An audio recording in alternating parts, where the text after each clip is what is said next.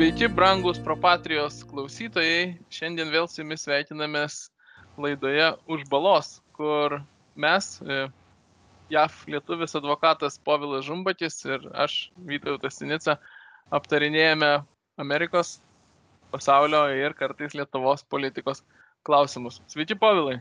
Sveiks, Vytautai. Gera jūs vėl girdėti. E, iš tikrųjų, vėl mėgintim, mėginsim apžvelgti vairias temas, gal po nedaug, bet e, paliesdami tai, kas atrodo aktualiausia ir galbūt kartais nutylima, ne, ne, nesulaukiančių dėmesio, tokias nesulaukiančias dėmesio temas Lietuvos, ypač e, viešojo erdvėje. Ir pirma tema yra taip gan ironiškai vis dėlto labai daug dėmesio sulaukianti, sakyčiau, jeigu ne Lietuvos žiniasklaidoje, tai Lietuvos socialiniuose tinkluose, tarp tų žmonių, kurie, na, sieja gal save su antiglobalizmu, tai yra Davoso forumas. E, vykęs visai nesenai ir čia sulaukęs, na, bent jau mano, kaip dabar sakom, burbuluose, e, tai, tai tikrai daug reakcijų, daugiausia pašaipių ir kritiškų, bet tuo pačiu galim matyti, kad ir, pavyzdžiui, Lietuvos politikai tai labai visada didžiuojasi, gyrėsi, kad vyksta, kad juos kviečia ir kad tai yra, na, kažkoks jiems pripažinimas.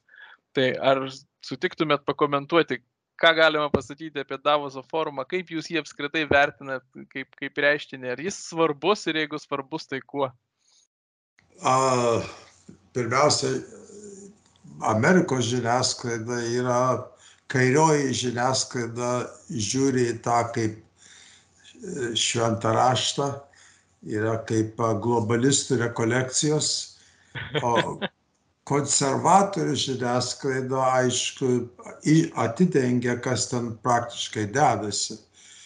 Aš nežinau, kiek Lietuvoje stebi tą bendrai, kaip yra sušaukiamas tas suvažiavimas, kas yra kviečiami, aiškiai yra pasaulio elitas, kas nustato, kas tie elitai yra, kas, ką kviesti, kokią temą kalbėti ir panašiai.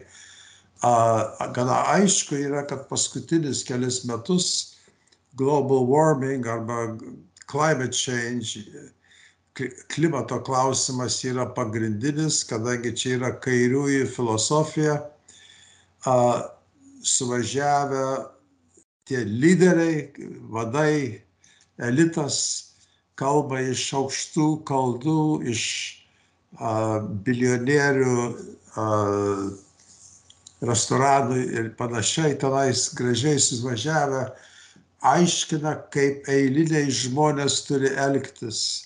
Ypač Afrikoje, Pietų Amerikoje ir Azijoje neturtingi kraštai turi nenaudoti uh, naftos, nenaudoti metalų, panašiai, kad reikia persivesti, jeigu nori gauti pinigus, turi nustoti naudoti a, naftą.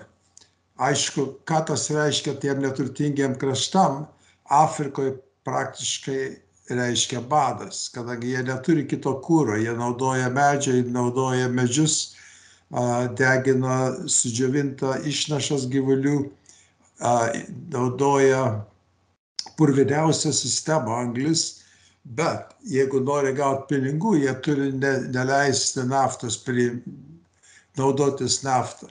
Ir aišku, tas juos naikina. Bet ne, nešvariem politikam Afrikoje ir Pietų Amerikoje apsimoka, nes gauna pinigus iš Amerikos ir Europos ypatingai. Tai tie mūsų Amerikos du atstovai, kur daugiausiai pasireiškia, mūsų du Don Quixotai, Kerry ir Gore, save pavadino Masters of Universe. Ir kadangi jie mum mokina, kaip mes eiliniai žmonės turim nenaudoti naftą, tai pagalvokit, kaip atrodo, kai suskrenda tie Masters of Universe, tūkstantis jų su privačiais lėktuvais, kur daugiausiai teršia gamtą. Ir aišku, jiem tas yra leidžiama, kadangi jie yra tas elitas, kuriem viskas yra leidžiama. Tai čia parodo, mano manimu, tas parodo, kokie yra hipokritai tie globulistai, kurie dėsto mum kaip gyventi.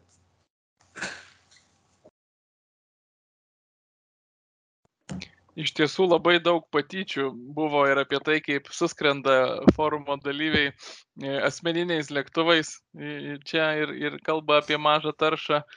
Ir šių metų naujiena buvo apie tai, kad, na, kaip per didžiuosius karus ankstesniais amžiais paskui kariuomenės sekdavo prostitučių kariuomenės, tai čia irgi dabar buvo naujienų, na, točiuose tabloidiniuose, tačiau ne, ne, ne kažkuo tai ne fake news leidiniuose apie tai, kad labai didelis e, kaip, išaudimas paklausos ir suaktyvėjimas e, sekso paslaugų Davose renginio metu. Tai tokių, tokių pikantiškų detalių yra. Aš manau, kad mistifikuotas, bent Lietuvoje stipriai mistifikuotas tas renginys, e, ypač per COVID. -ą. Pradėta daugiau domėtis, kadangi Švabas e, organizatorius ir iniciatorius, jeigu aš neklystu, šito formato labai skambiai, plačiai reiškėsi ir parašė tą knygą The Great Reset, kur iš esmės, jeigu sutiksit su mano apibendrinimu, tiesiog dėsto viziją, kaip COVID pandemiją išnaudoti tai žaliai klimato kaitos stabdymo tikslui. Iš esmės panaudoti COVID kaip pretekstą pertvarkyti pasaulio ekonomiką pagal tą kairę žalę darbo atvarkę. Aš matau, kad e, jis yra sugebėjęs, sugebėjęs sutelkti kažkokiu būdu tokius įtakos vertus, kad žmonės, politikai, e, lyderiai įvairių šalių, bent jau mažų šalių kaip Lietuvos, jaučia vidinį ir išorinį poreikį pataikauti jam, dalyvauti, įtikti, būti pripažinti ir įtraukti ten. Tai kaip lobistinė grupė veikia, sakyčiau, labai puikiai, aš jam už lobistinę veiklą rašyčiau 10. Bet e, vis dėlto kiek gali, mane kartais stebina ir, ir aš abejoju, kiek gali ta utopija, kurią mano galva jūs labai tiksliai papasakojot, kaip yra veikiama, pavyzdžiui, Afrikos šalis, kaip joms mokama už tai, kad jos nesivystytų ekonomiškai, paprastai tariant. Kiek tai toli gali eiti tikrovėje, kiek to šnekos gali pavirsti realybę. Nebūtina to atsakyti, man čia toks retorinis, bet aš tik taip matau. Aš manau, kad galim susumuoti, apie ką tie suvažiavimai ir kokia yra esmė tų suvažiavimų. Amerikos gamtosaugos caras, taip jį vadina čia Bidenas, Mm. susumavo, kas tenai, kokia yra prasme. Jis devynius kartus panaudoja tą terminą. Money, money, money, money, money. Viskas yra pinigai, ne gamta. Iš tiesų. Taiklu. E, persikelkime į Europą, jeigu jūs nieko prieš Europą geografiškai valstybių santykius ir svarbiausia valstybė Europoje vis dar yra bent kontinentinė Vokietija. Ir pastaruoju metu Vokietija buvo dėmesio centre karo Ukrainoje kontekste. Visus praėjusius metus, kiek vyko karas, tiek buvo vienokio ir kitokio forma problema ir pasipiktinimas tų, kam rūpi karas Ukrainoje, kad Vokietija ne tai, kad pasyvi, bet dar ir proaktyviai stabdo pagalbą e, tiek savo, tiek kitų šalių pagalba Ukrainai ir tankai buvo pastarojo meto dėmesio centre. Vokietija vis žadėjo, žadėjo ir vis neskyrė, neskyrė tankų e, Ukrainai.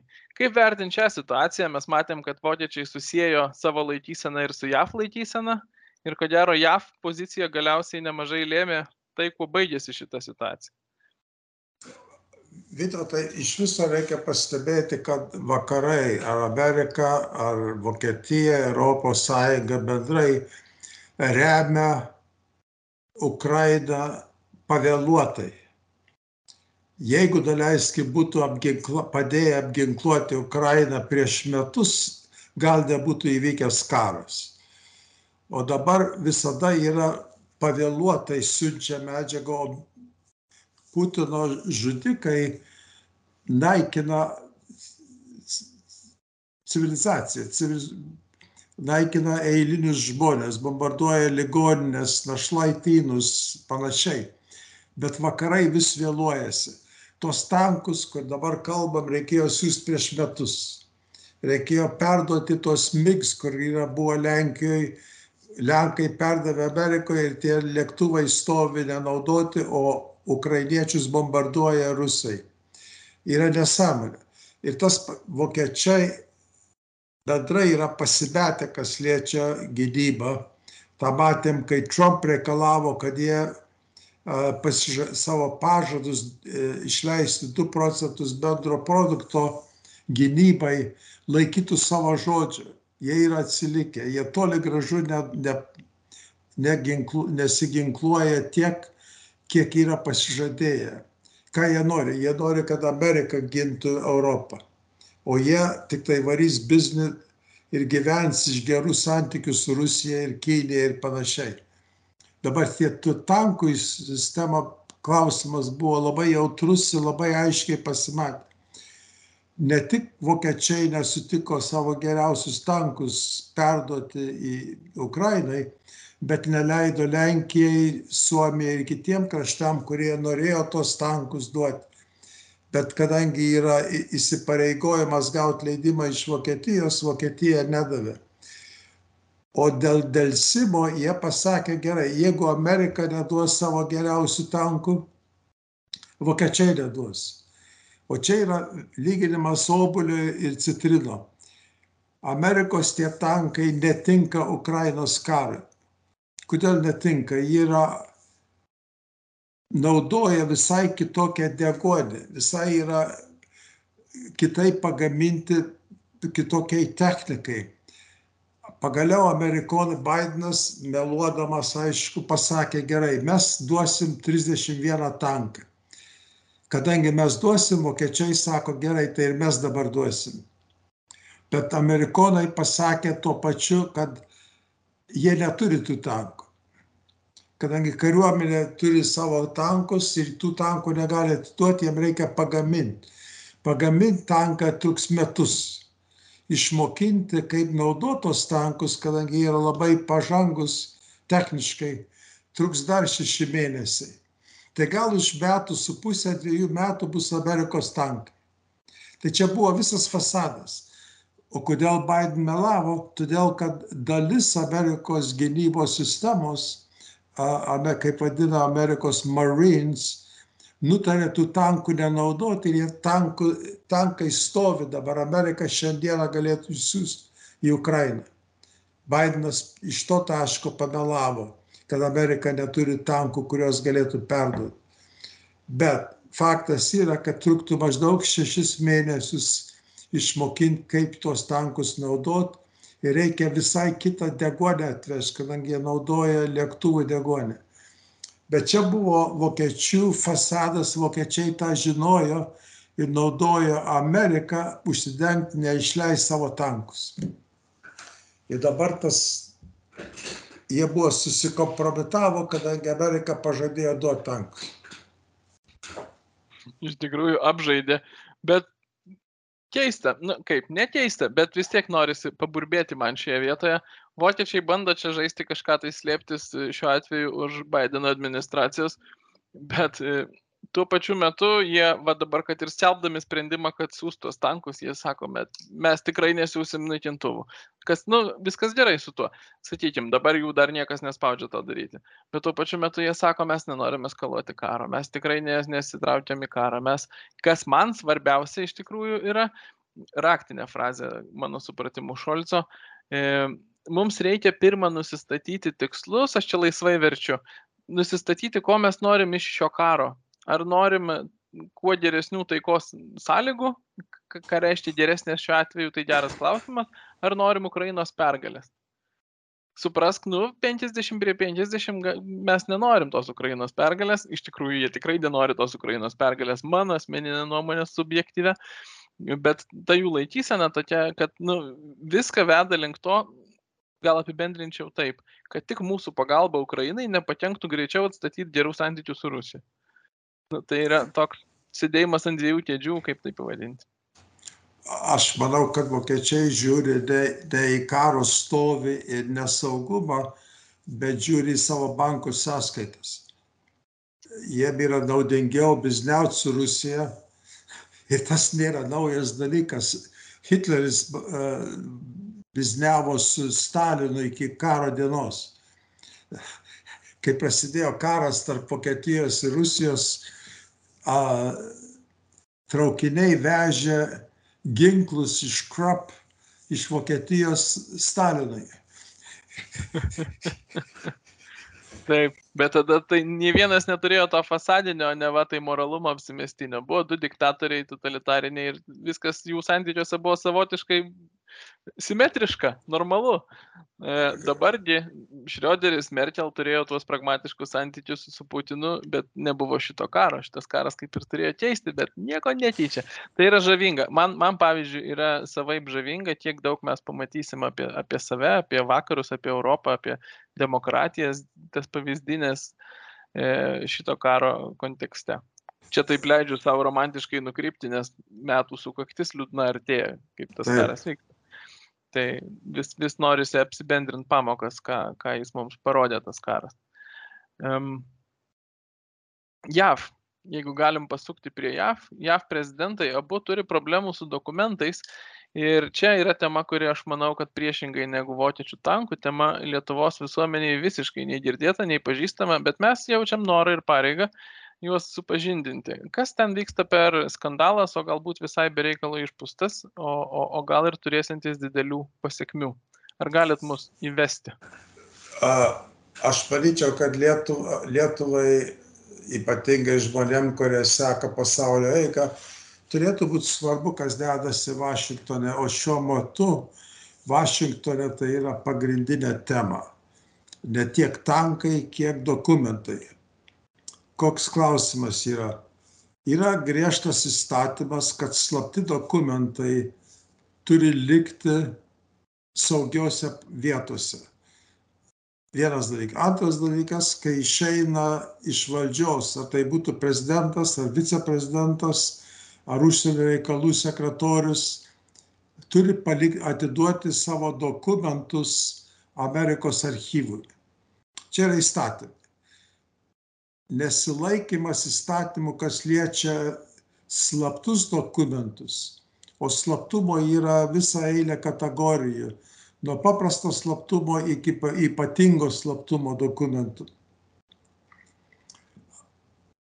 Yra kriminalinis nusikaltimas, jeigu tos dokumentus išviešini arba net neteisingai juos su jais elgėsi.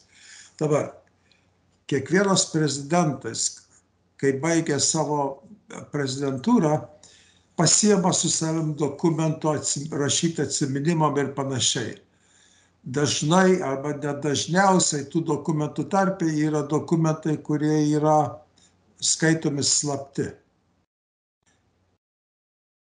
Sužinojo demokratai per, per Amerikos archyvą, kad prezidentas Trump turi 18 ar 20 dėžių dokumentų, kur yra šimtas ar kiek slaptų dokumentų.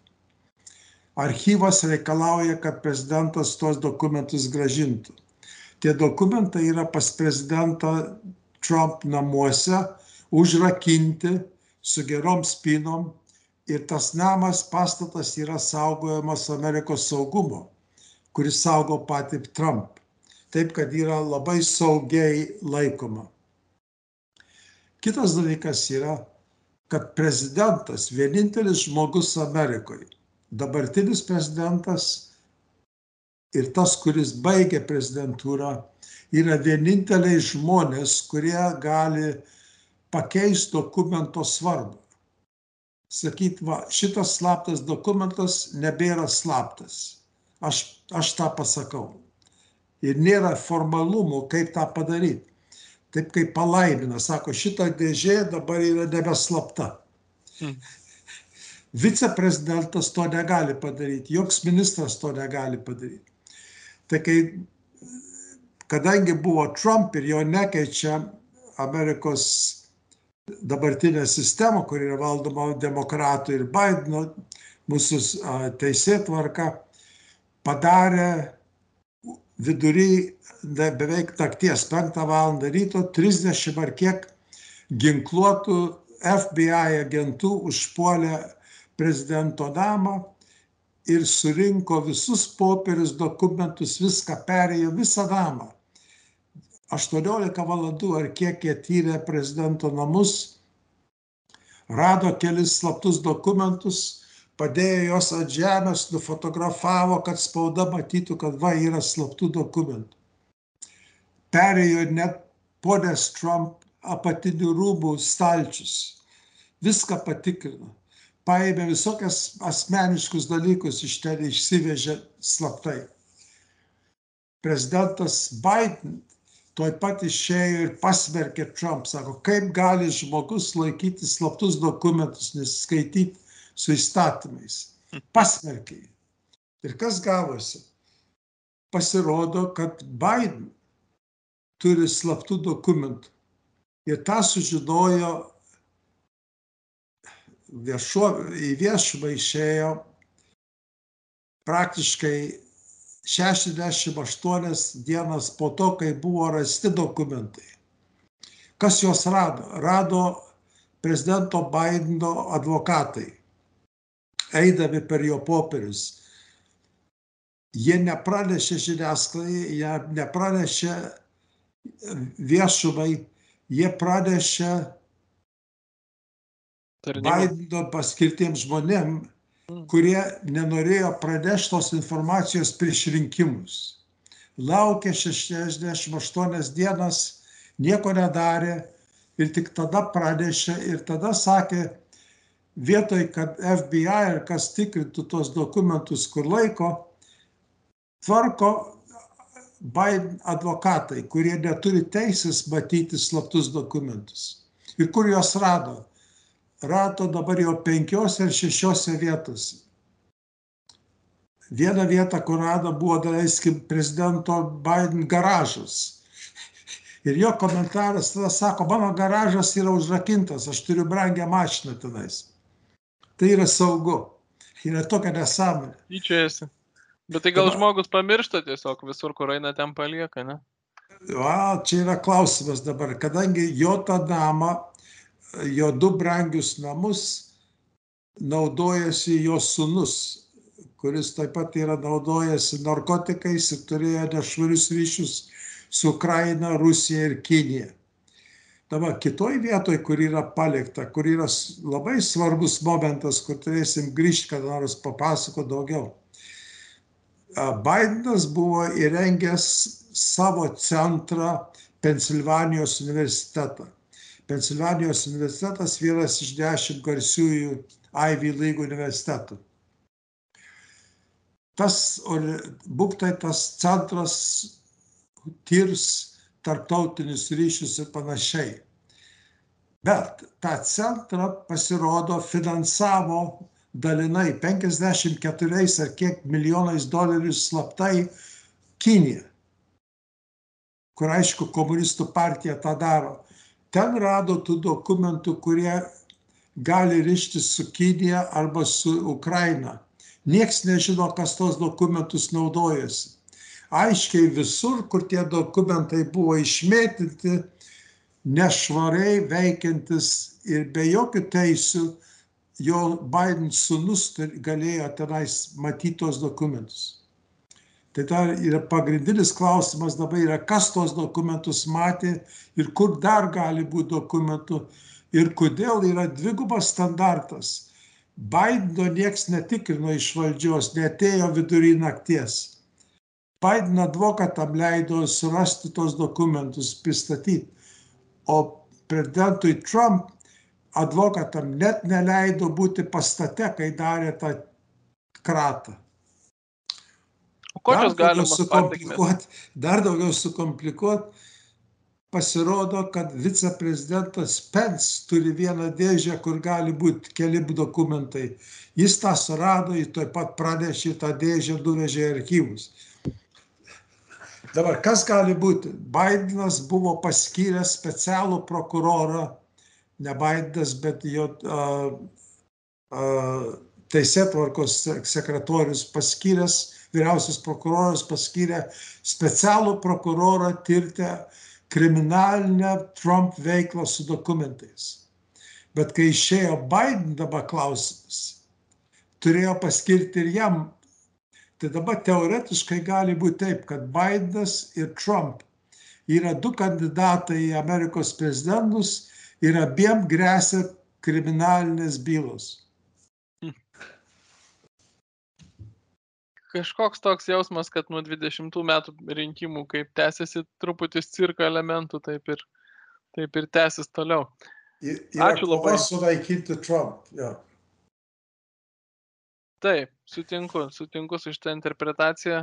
Tiesiog formos makabriškos, aš įsivaizduoju. Na, mes, tarkim, Seime turėjom valstiečių valdymo kadenciją, bent man taip atrodo, čia irgi mano subjektyvi nuomonė. E, turėjom tokią situaciją, kai buvo kabinėjimasi prie visko ir tas kabinėjimas įsigaudavo tokios formos, nu, va, kur mašiną pastatė, kokia politikė, kur ten dar kas, nu, tokios smulkmenos, kurios nėra susijusios su politiniais sprendimais, bet kurios įgaudavo didžiulį dėmesį ir kiekį eterio Lietuvoje ir žmonės, taip bent jau, sakyčiau, protingesnių žmonės vertė gūščiot, apie ką mes čia šnekam kas čia dabar yra svarbu Lietuvoje. Ir aš nesakau, kad tas dokumentų ten e, saugumo taisyklių pažeidimai arba nepažeidimai nėra svarbu, bet man toks bendras įspūdis pastarųjų kelių metų yra iš tikrųjų, kad yra kabinėjamasi iki, nu, ieškant bet ko. Ieškant bet ko, kad tik būtų galima vysti tą temą, jog, na, Trumpas, ko gero, apskritai yra netinkamas, negalimas rimtai svarstyti jokioms rimtoms pareigoms užimti. Toks jausmas. Panašiai yra. Tarp kitko, mes Amerikoje neteko girdėti, kaip, kaip neteisingai pastatytos mašinos. Nesiplėsiu dabar prie to, bet noriu į Lietuvą persikelti šitos laidos tematikoje ir pabaigai paliesti vieną labai lietuvišką klausimą, tokį lietuvišką, kad tiesiog iki kaulų čiulpų. E, Antanas Smetona ir paminklas jam. Vilniuje kilo diskusija, e, e, esama valdžia Vilniaus, nueidama ją sukėlė, galima sakyti, ar reikia, ar galima, ar gerai yra pastatyti paminklą Antanui Smetonai Vilniuje. Ką Jūs apie tai manot ir kodėl? Aš, tarp kitko, labai norėčiau pagirti tavo straipsnį, Vytautai, kur e, šiuo metu yra propatijos e, puslapiuose. Ypatingai gerai tavo išreikštos mintis tam straipsniui kaip mes žiūrim, kaip aš asmeniškai žiūriu iš Amerikos, a, prezidentas Smetona be abejo, kaip politikas padarė daug klaidų, kaip asmuo kartais buvo silpnas, a, jo pabėgimas iš Lietuvos buvo, mano manimu, didelė klaida, nors jam grėsė gyvybinis pavojus.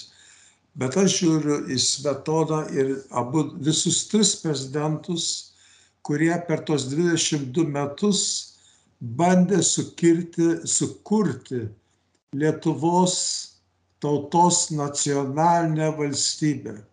Tas periodas Lietuvai yra mirtinai svarbus ir jiem pasisekė sukurti tautos nacionalinę valstybę, kuriai buvo milžiškas pavojus Buvo pavojus iš Vokietijos, iš Hitlerio, buvo pavojus iš Rusijos, iš Stalino, buvo pavojus iš Lenkijos, kur buvo užimtas trečdalis krašto. Tokio vakarai nekreipė jokio dėmesio į Lietuvos pavojus. Lietuva stovėjo vienu viena. Net Latvija neprisidėjo padėti Lietuvai tokiose sąlygose reikia stebėti, kas dėjosi ir pagerbti tos žmonės, kurie sugebėjo sukurti tokią tautišką dvasę, dėl kurios 30 ar 40 tūkstančių žmonių žuvo kovodami už tą nepriklausomą Lietuvą ir vėliau net bandė sukurti Lietuvą, skeldami laikiną vyriausybę ir paskeldami nepriklausomybę. Tas yra labai labai svarbus momentas ir ant kiek svarbus yra metoda Lietuvos istorijai, galim žinoti, iš kiek propagandos buvo iš Sovietų sąjungos prieš tuos laikus ir prieš metodą.